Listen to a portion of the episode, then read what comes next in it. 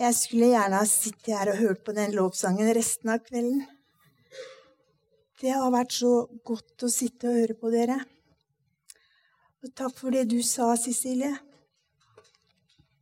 Gud er god, og han er med.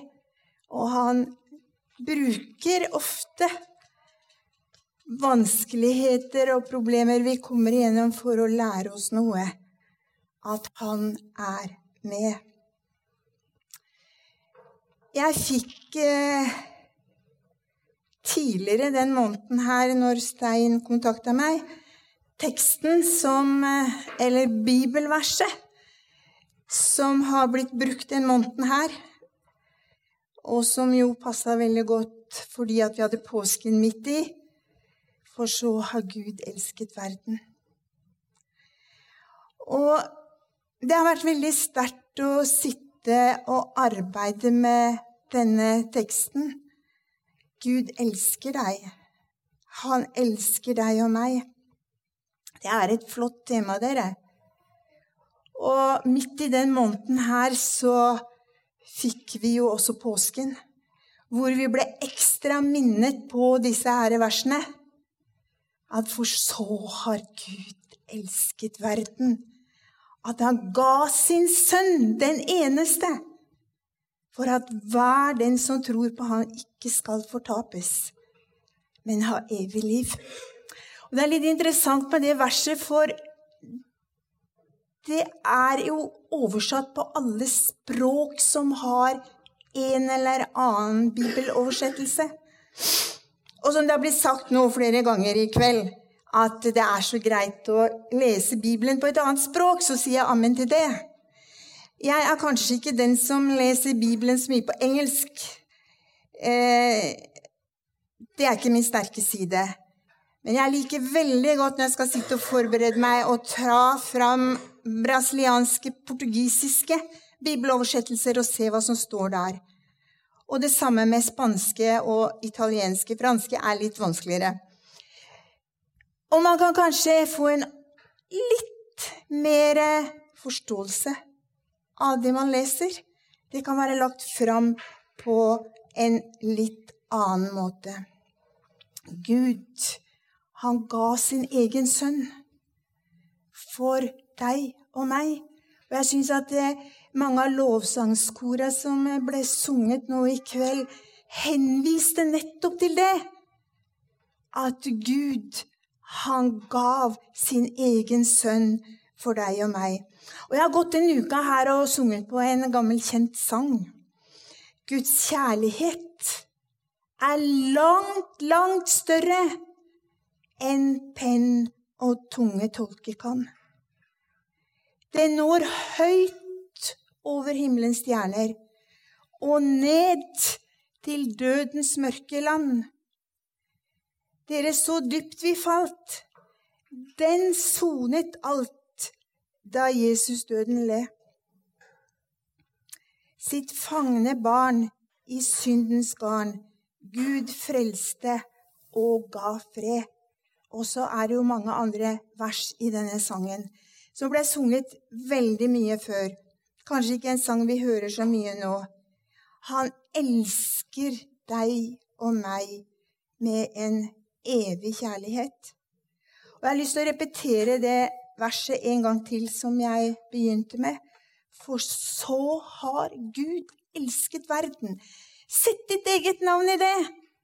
For så har Gud elsket meg, May-Lise, eller deg med ditt navn, for at du ikke skulle gå fortapt. For at hver den som tror, for at dersom du tror på ham, så skal du ikke gå fortapt, men ha evig liv. Sånne herlige løfter, dere. Så står det i Johannes 4,10.: I dette er kjærligheten, ikke at vi har elsket Gud, men Han har elsket oss og sendt sin sønn til soning for våre syndere. Og i Romerbrevet 8 så står det at det er ikke noe skille mellom oss fra hans kjærlighet til mennesken. Det er ikke noe som kan skille oss ifra hans kjærlighet. For der står det i Romerne 8.: For jeg er viss på at verken død eller liv, verken engler eller krefter, verken det som nå er eller det som kommer, eller noe makt, verken det som er i det høye eller i det dype, eller noen annen skapning skal kunne skille oss fra Guds kjærlighet i Kristus Jesus, vår Herre. Noen så fantastiske bibelvers. Lev i kjærlighet, slik Kristus elsket oss og ga seg selv for oss som en offergave, en velluktende duft for Gud, står det i Johannes 17. Gud, han skapte himmel og jord. De fleste av oss har vel lest skapelsesberettelsen. Det var noe vi lærte om på søndagsskolen.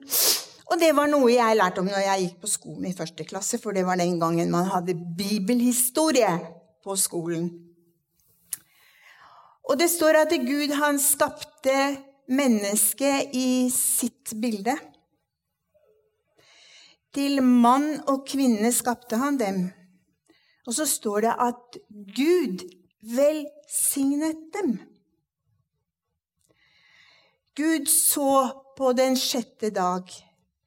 Når alt dette var skapt, så så han utover det han hadde skapt, og så står det at det, Gud så på alt det han hadde gjort, og se, det var svært godt. Det ble kveld, og det ble morgen sjette dag. Gud, han elsket det han hadde skapt. Og særlig menneskene. Jeg tror han frydet seg. Og Herren, han, Det står om at Herren gikk turer i hagen. For det står at han kom ned i hagen og ropte på Adam og Eva. Sikkert gikk han turer i hagen med dem hver eneste dag og pratet med dem. Tenk så fantastisk at skaperen, Herren, han kom ned og gikk der i hagen og pratet med menneskene han hadde skapt, Adam og Eva. Og jeg har tenkt mange ganger hva pratet de om? Hva ville du ha pratet med Gud om om du hadde anledning til å gå en tur med han? I en fin hage? pratet de om alt det vakre rundt seg. Hans kjærlighet og stolthet av det han hadde skapt. Det er ingen av oss som vet, men at den levde i full harmoni, det er helt sikkert. Så vet vi hva som skjedde. Syndefallet. Og jeg har av og til tenkt at det, hvorfor skapte Gud menneskene? og satte dem i en sånn fantastisk hage.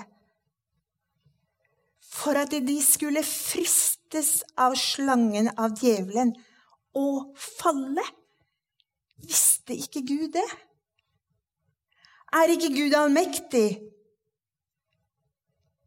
Men dere, det er én ting som er viktig her. Det er at han skapte menneskene.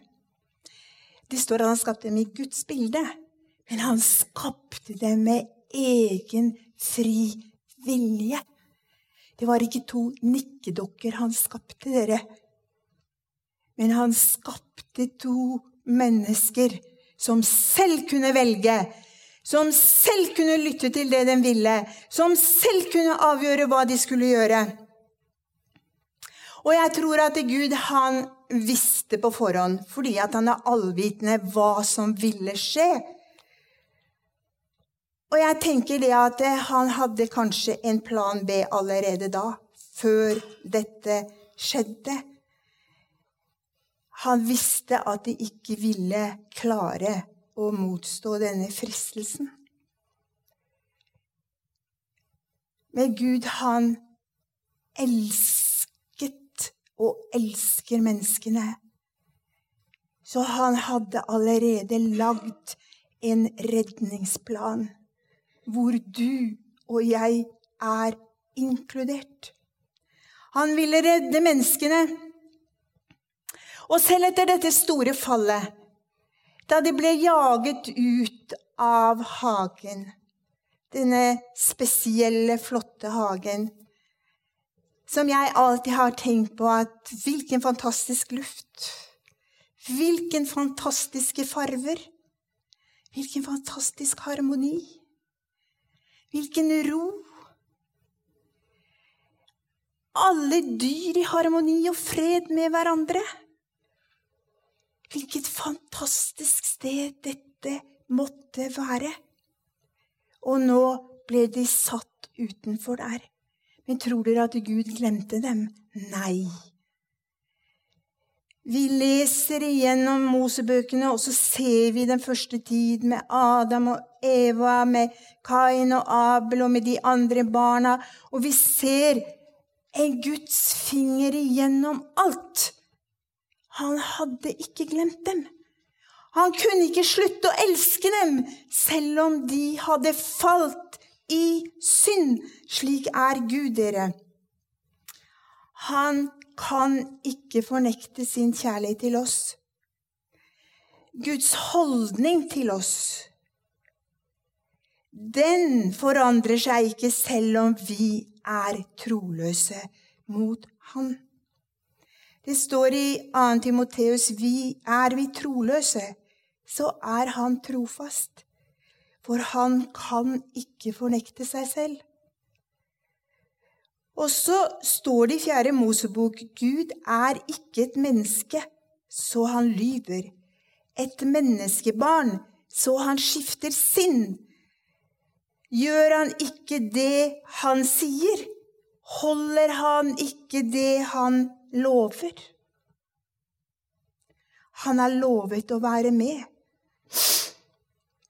Så kan vi lese videre i historien. Så ser vi at det menneskene vokste. Ondskapen vokste fordi at menneskene valgte selv å vende seg bort ifra Guds kjærlighet. Og det ble verre og verre og verre og verre på jorda. Og det kom til et punkt hvor Gud så på skapelsen, og hvor han angret på det han hadde gjort. Og så står det i første Mosebok 6. Herren så at menneskenes ondskap var stor på jorden, for alt de ville og planla i sitt hjerte, var ondt dagen lang. Da angret Herren på at han hadde laget mennesker på jorden. Og han var full av sorg i sitt står det. Det er interessant. Og dere, jeg tror at når vi som har tatt imot Jesus, som har fått oppleve hans store kjærlighet, vi kan også være med og skape sorg i vår Herres hjerte gjennom ting vi gjør som vi ikke burde gjort så hadde allikevel Gud en liten frelsesplan. For det står at han angret. Men han hadde allikevel et lite håp for å frelse deg og meg. Og dette lille håpet det så han i en person, og det var Noah og arken. Så kjenner vi denne historien om Noah som bygde arken, om alle dyr som kom inn i arken, og vi vet alt dette her om vannflommen og alt det som skjedde. Og alle de dagene det tok, og måneder før vannet sank og arken igjen sto på tørt land. Og disse menneskene som var reddet ut av vannflommen, familien til Noah, de kunne gå ut på tørt land. Og så står det at Noah han så utover dette landskapet, og så takket han Gud. Og så bygget han et alter der til Guds ære, for at han og hans familie fikk lov å overleve det som skjedde. Og så står det da, leser vi i det åttende kapittelet i første Mosebok, og Herren kjente den behagelige duften ifra alteret. Og da sa Herren i sitt hjerte, for noe rørte ved han, jeg vil aldri mer forbanne jorden for menneskers skyld, selv om menneskehjertet vil det onde fra ungdommen av. Aldri mere vil jeg drepe alt som lever, slik jeg nå har gjort. Og så vet vi at han sier at han vil sette en ark på himmelen. Hvor han vil vise at han ikke vil utslette menneskene med vann. Men han angret på det han gjorde. Og så ga han menneskeheten en sjanse til. Gud, han på en måte først mistet menneskene som han var så glad i. Hvorfor? Fordi at de hadde valgt han bort. Og takk og lov, heldigvis så fant han oss igjen. Det står ikke det at det menneskene fant han igjen. Men Gud fant oss igjen. Og han sendte sin egen sønn til verden for å redde verden. For å redde deg og meg. Dere er dyrt kjøpt, og prisen er betalt med Jesu eget blod. I første Peter-brev så står det dere vet at det ikke var med forgjengelige ting, som sølv eller gull dere ble kjøpt fri fra. Nå må jeg visst ha briller på meg. dere vet at det ikke var med forgjengelige ting som sølv eller gull dere ble kjøpt fri fra det tomme liv dere overtok fra fedrene. Det var med Jesu Kristi dyrebare blod blodet av et lam uten feil og lyte. Han var villig til å gå i døden for deg og meg.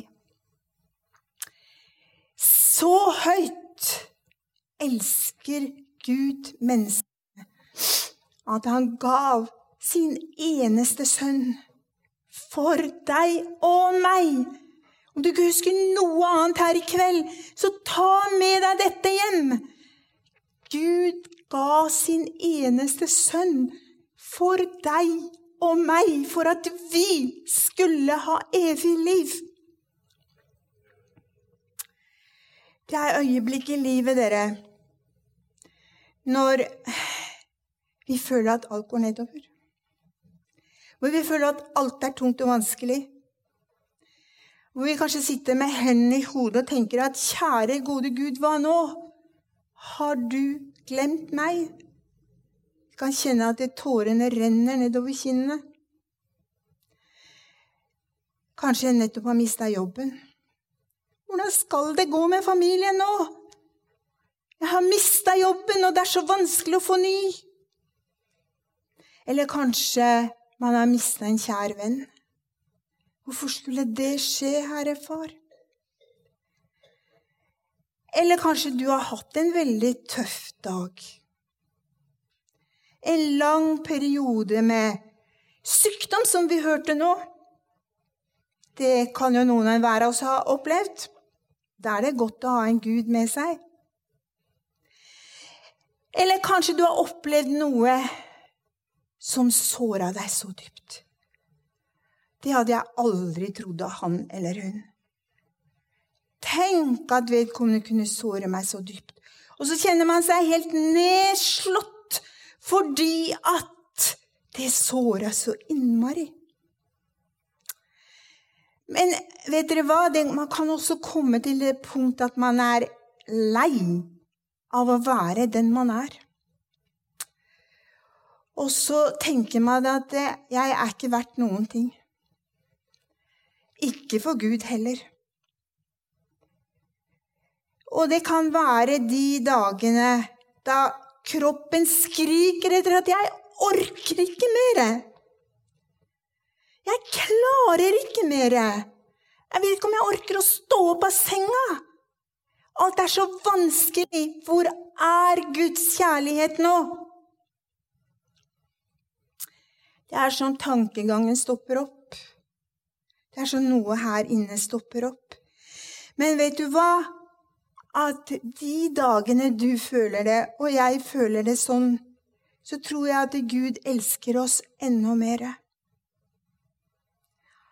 Han ser til vårt hjerte. Han ser hvordan vi har det. Så kan vi kjenne og føle at han er så langt borte. Bønnene når ikke til taket engang. Det er som murer er stengt. Og da står det et vers i jobbbok som jeg er veldig glad i. Og også når du sier at du ikke ser hans sak, så ser han den. Eh, på portugisisk, i en av bibeloversettelsene jeg har, så står det at din sak er til behandling innenfor Herrens trone. Det du har lagt fram for Han, det som virker så langt borte, det som er så vanskelig, det er til behandling innenfor Herrens trone. Han har ikke glemt deg. Det er så mange grunner som kan få deg til å tvile på Guds kjærlighet. Bryr han seg om meg i det hele tatt? Og dere, når slike tanker kommer og truer med overmann, så vet vi hvor de tankene kommer ifra. Da er det én vei å gå. Gjennom Guds ord og bønn. Bibelen han forteller oss at Gud elsker oss. Han forteller oss om prisen for å frelse oss, som var så høy. Han betalte det med sin eneste sønn for at du og jeg skulle gå fri. Kan du se hvor høyt Gud elsker deg? Dere, dette er den Gud vi har. Dette er den levende Gud som vi kan komme fram til. Han er ikke av tre og stein. Det står om avguder som ikke hører, som ikke kan snakke, som ikke kan se, som ikke kan flytte seg, som er laget av tre og stein. Men vi har en levende Gud.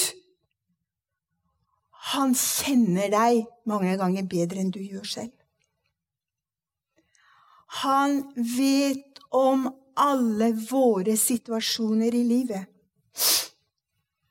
Og han forlater oss ikke. Han holder hver og en dyrebar skapning i sin hule hånd.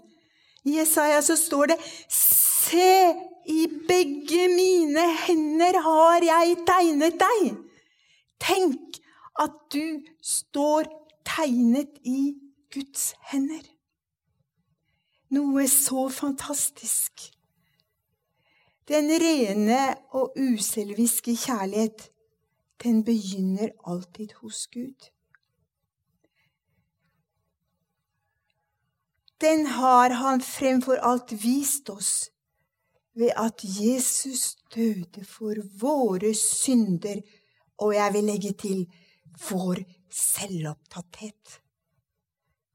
For vi er vel litt selvopptatte, noen enhver av oss. Men på tross av det så elsker han oss. Han er rettferdig, og han har inderlig medfølelse med hver og en av oss. Han glemmer oss ikke. Tro på løftene han har gitt. Og Jeg er veldig glad i dette verset i Jeremias 29, 11-13. For jeg vet om de tanker jeg tenker om dere, sier Herren. Det er fredstanker, og ikke tanker til ulykke. Jeg vil gi dere framtid og håp.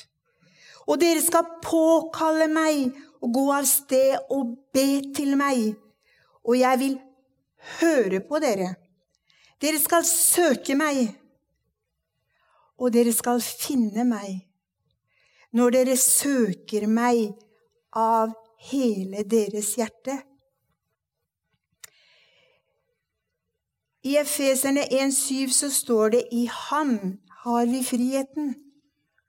Kjøpt med hans blod. Tilgivelse for syndene. Så rik er Guds nåde. Og så fant jeg et, et bibelvers i eh, en av eh, de småprofetene, en av de siste i Gamle testamentet. Og det står i Sefania. Det er Kanskje ikke akkurat der man pleier å lese mest, men der fant jeg et fantastisk bibelvers. Herren din Gud er hos deg, en helt som frelser. Han fryder og gleder seg over deg og viser deg på ny sin kjærlighet. Han jubler over deg med fryd. Tenk på det! Og jeg tenker på mitt liv, jeg tenker på meg. Alle de feil og de mangler, og alle de gangene jeg blir sint og jeg blir irritert, og jeg sier ting jeg ikke burde si, og Hvordan i all verden kan Gud glede og fryde seg over mitt liv? Men han elsker oss med en evig kjærlighet. Så er da spørsmålet Hvordan skal vi nå ut til verden med dette budskapet? Fortelle verden om fantastiske, denne fantastiske kjærligheten. Det er ikke lett. Og jeg føler at det kanskje er enda vanskeligere her i Norden. Jeg satt og tenkte tilbake til min oppvekst og barndom, hvor det var friluftsmøter, hvor vi var ute og delte ut traktater, hvor Guds hus var fullt. I dag så bør vi gå ut på gaten og få folk inn.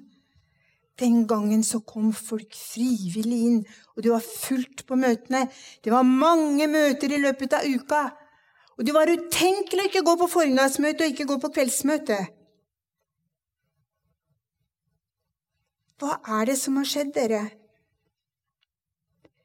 Er det det at vi er blitt så materielt opptatte? Er det slik verden er i dag? Det er så mange røster som roper. Det er så mange ting vi må være med om. Det er så mange ting vi er opptatt av, som er så viktig. Eie mest mulig, tjene mest mulig, få seg best mulig utdannelse, være med på det og det og det. Det er ikke noe galt i dette, men det er galt når vi glemmer at vi ikke lever evig på denne jord. At vi har en udødelig sjel. At vi har en mester som døde for deg og meg. Som elsker oss med en evig kjærlighet. Det står noen tankefulle ord hvor Jesus selv undrer hvordan det vil være når han kommer tilbake på jorden. Og han sier også et spørsmål om kjærligheten er kald hos de fleste. Jeg tror at Jeg kan ikke, kan ikke stå her og gi en masse sånn om hva vi skal gjøre for å få folk inn, men jeg tror at det må begynne med oss sjøl. Jeg tror vi trenger å bli gjennomsyret av denne Guds kjærlighet. At vi kan utstråle denne kjærligheten. At vi kan være lys i denne verden. Og vise gjennom våre liv at vi har opplevd noe spesielt. Jeg leste om eh, hun kjente TV-predikanten Joyce Meyer. Hun skulle tale på et møte, og hun ba kjære Gud, gi meg en tekst. Gi meg et tema. Og hun forventa at Gud skulle gi henne et tema om kraft, om ånd og seier. Men i det stille så talte Gud i hennes hjerte, og så sier han, Fortell dem at jeg elsker dem. Og hun begynte å smådiskutere med Herren, forteller hun. Men dette burde de jo vite, for dette er jo søndagsskoletekst. Dette er jo for barn på søndagsskolen. Men da kjente hun at Gud talte til hennes hjerte, og så sa han Hadde de kjent min kjærlighet? Og Jeg syns dette er veldig alvorlig. Jeg tok det spesielt til meg selv. Hadde de kjent min kjærlighet, hadde menigheten i dag sett annerledes ut. Og de, vi, hadde oppført seg veldig forskjellig fra det vi gjør i dag. De trenger å vite at jeg elsker dem. Denne kraften, Guds kjærlighet, det er den største og kraftigste kraft på denne jord. Den trenger inn. Den forandrer menneskesinn. Den forandrer hele nabolag. Den forandrer hele området. Vi skal være lys og salt i verden. Det er så viktig å vise dette i hverdagen. Et nikk, et smil, et vennlig ord. Dere, dette kan være med på å åpne dører. Å åpne lukkede hjertedører. At vi kan vise verden hans kjærlighet. Jeg husker ei spesiell gate i Resif. Det var ei forferdelig vanskelig gate. Det var så mye rart i den gata, og vi ville helst ikke gå der etter at det begynte å bli mørkt. Det var kriminalitet. Det var alt mulig som tenkes kan der inne. Men så ble en familie frelst. Så ble en annen familie frelst i den gata. Og disse var brennende. Gjennom dem så ble en tredje familie frelst. Så begynte ting å endre seg i denne gata. Den var lang. Så ble en fjerde familie frelst. Alle disse tilhørte, ble tilslutta vår menighet, ble frelst i vår menighet der. Og så ble en femte familie frelst, og plutselig så var gata totalt forandra. Det var ikke lenger fare å gå der. Det var ikke lenger noen der som prøvde å rane deg. Det var ikke lenger noen der som prøvde å skyte deg ned. Der var det ingen som drev bordell lenger. Og tingene forandra seg den ene plassen etter den andre. Og nå er dette mange år siden det skjedde. Og når vi var ute der nå Dere, gata er totalt forandra. Hva var det? Noen tok imot Jesu kjærlighet. Noens liv ble forandra. De ble et lys og et salt i verden der de var satt, og andre fikk lyst til å ta imot denne Herre og Mester. Har du møtt mennesker som du har sett på som du har tenkt at hm, hva var det med det mennesket? Det var noe spesielt ute du kjente det. Og dere, Dette kan vi kjenne på både godt og på vondt. Jeg husker et misjonærpar som Gunnar og jeg kjente fra Misjonsforbundet. De hadde vært misjonærer i Kongo i mange år. Og de kunne fortelle at de gikk på gata i, på Karl Johan. Plutselig så Så gikk det et menneske forbi dem, og så sier hun til han, 'Kjente du det? Det var ikke godt.'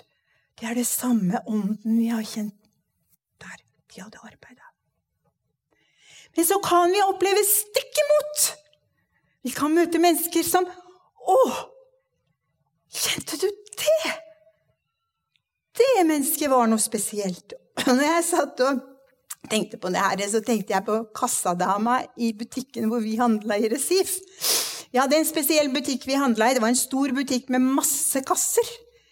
Men i en av kassene så satt det ei ung jente. Hun var alltid så smilende og blid. Det var et veldig vanskelig arbeidsmiljø der. Det så vi. Og ikke alle som satt i kassa, var like greie. Men akkurat med henne var det noe spesielt. Hun hadde alltid et smil. Hun hadde alltid et vennlig svar. Og vi snakka om det mange ganger, Gunnar. Jeg lurer på om hun er troende. Kan vi spørre henne om det? Men det var jo alltid så lang kø, for alle ville jo ha den kassa. Men en dag så passa det sånn at det var ingen bak oss, og så sa jeg til henne du, vet du hva, unnskyld meg, men jeg må spørre deg om noe. Jeg burde kanskje ikke ha bedt om unnskyldning for det, men jeg måtte si det. Du, er du en kristen? Har du Jesus i hjertet? Å ja, sa jenta og lyste opp. Hun var aktiv i en av menighetene i byen. Hun sa ingenting der hun satt i kassa. Hun prøvde ikke å evangelisere, Hun prøvde ikke å dele ut traktater, hun prøvde ikke å dele ut bibelvers. Men hun hadde Jesus i hjertet. Hun var et lys. Hun var et salt i måten hun møtte menneskene på i hverdagen. Og jeg tror nok at mange gikk ut igjen. Å, i dag fikk jeg et smil. Mange som kanskje trengte det. Vi trenger det. Han har elsket oss først. Det er ikke slik at vi må elske Gud for at Han skal elske oss. I 1. Johannes 4 så står det det stikk motsatte. Vi elsker fordi Han elsket oss først. Jesu kjærlighet kan forandre totalt et menneskes liv. Så til de grader at til og med utseendet forandrer seg. Vet du hva? Det er det bare Jesus som kan. Og til slutt så, så Jeg har vært for lenge i Brasil. Det har jeg kanskje. Men det er ting jeg må fortelle. Og det er to personer som jeg tenker på før jeg avslutter. Jeg vil at eh, du allikevel skal sitte igjen med at For så har Gud elsket verden. Mario han var en bandeleder. Han var av den typen som du helst ikke ville møte på gata om kvelden. Helst ikke om dagen heller. Han hadde sittet inne for drap. Han eh, holdt på med narkotika. Han var narkotikalanger. Han var en liten, tettbygd Kunne minne litt av utseendet på Nikki Cruz, de gamle bildene vi hadde av han. Og han var bydelens skrekk. Men han, på en eller annen måte så slapp Mario ut av fengselet.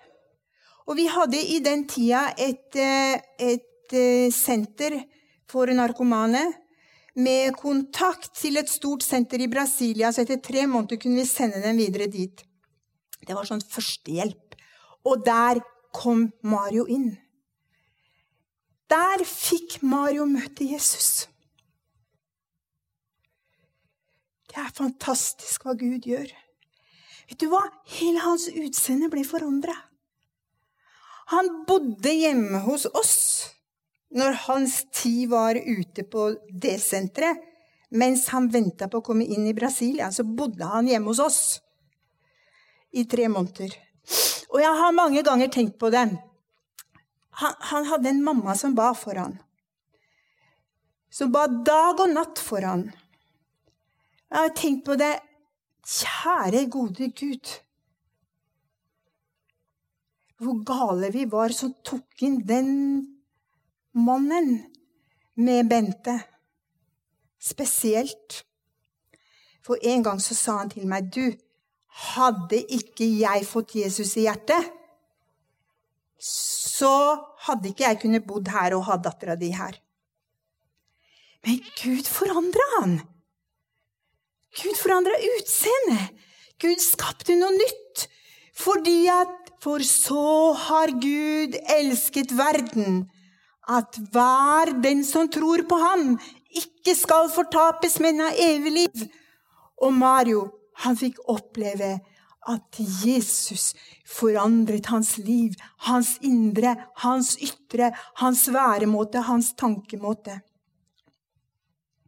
Dan, han traff vi i Brooklyn. Vi var et halvt år i menigheten i Brooklyn.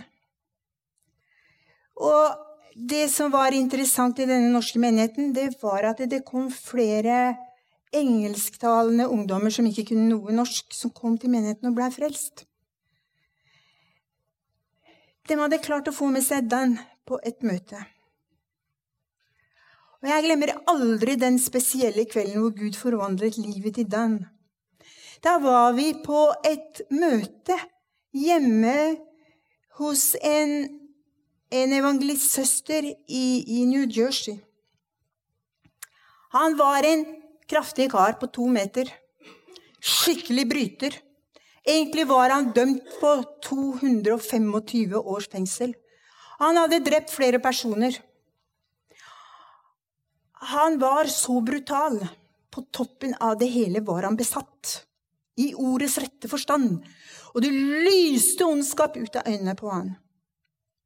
Og jeg husker på det husmøtet som vi kom. Så hadde jeg med meg Da var Bente og Geir små. André var ikke født ennå. Vi hadde med oss dem. Og jeg kjente at jeg måtte ta barna ut av det rommet. For det var som en vond atmosfære der inne. Så begynte vi å be den. Det ble en kamp på liv og død. Vi hadde et bønnemøte for den i over tre timer. Men dere, når Jesus kom inn, og Satan dro ut, så var det en ny mann som reiste seg ifra benken. Det var et nytt utseende. Det var et nytt blikk. Det var en ny atmosfære. Det var et lys som var tent inn. Han var blitt forandret. Han skulle melde seg på politistasjonen. Han kom ned og meldte seg, og de trodde ikke det de så. At dette er samme person. Dere, det er bare Gud som kan gjøre slike under. Jeg glemmer aldri den dagen Gunnar døpte han i menigheten vår der i Brooklyn.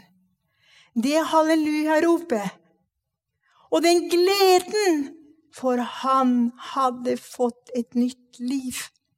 Vi har et budskap å gå ut med. Jesus elsker deg. Vil du være lys og salt i verden? Vil du at Jesus skal fylle deg med denne kjærligheten? Vet du hva? Jeg tror vi alle trenger det. For han fylte oss så vil vi gå ut herifra og være et lys for de som går forbi her. De trenger å få møte Jesus. Drammen by trenger å få møte Jesus. Og du og jeg, vi trenger å bli fylt av hans kjærlighet. Kjære Jesus, himmelske Far, jeg vil prise ditt hellige navn og takke deg for det underfulle verket du gjorde på Golgata for meg, Herre Jesus, for oss. Takk, Jesus, for at du elsket oss slik at du gikk i døden for hver og en av oss. Herre Far, må vi ta imot deg og din kjærlighet på den rette måten må vi gå ut herifra og vinne mennesker for deg, Herre Jesus. Tenn en ny brann i hver og en av oss. Tenn en ny brann i meg. Jeg trenger det, Jesus. Herre Far, takk for at du er her til stede. Velsign denne menigheten og alle som er her inne, på en rik og spesiell måte. Amen.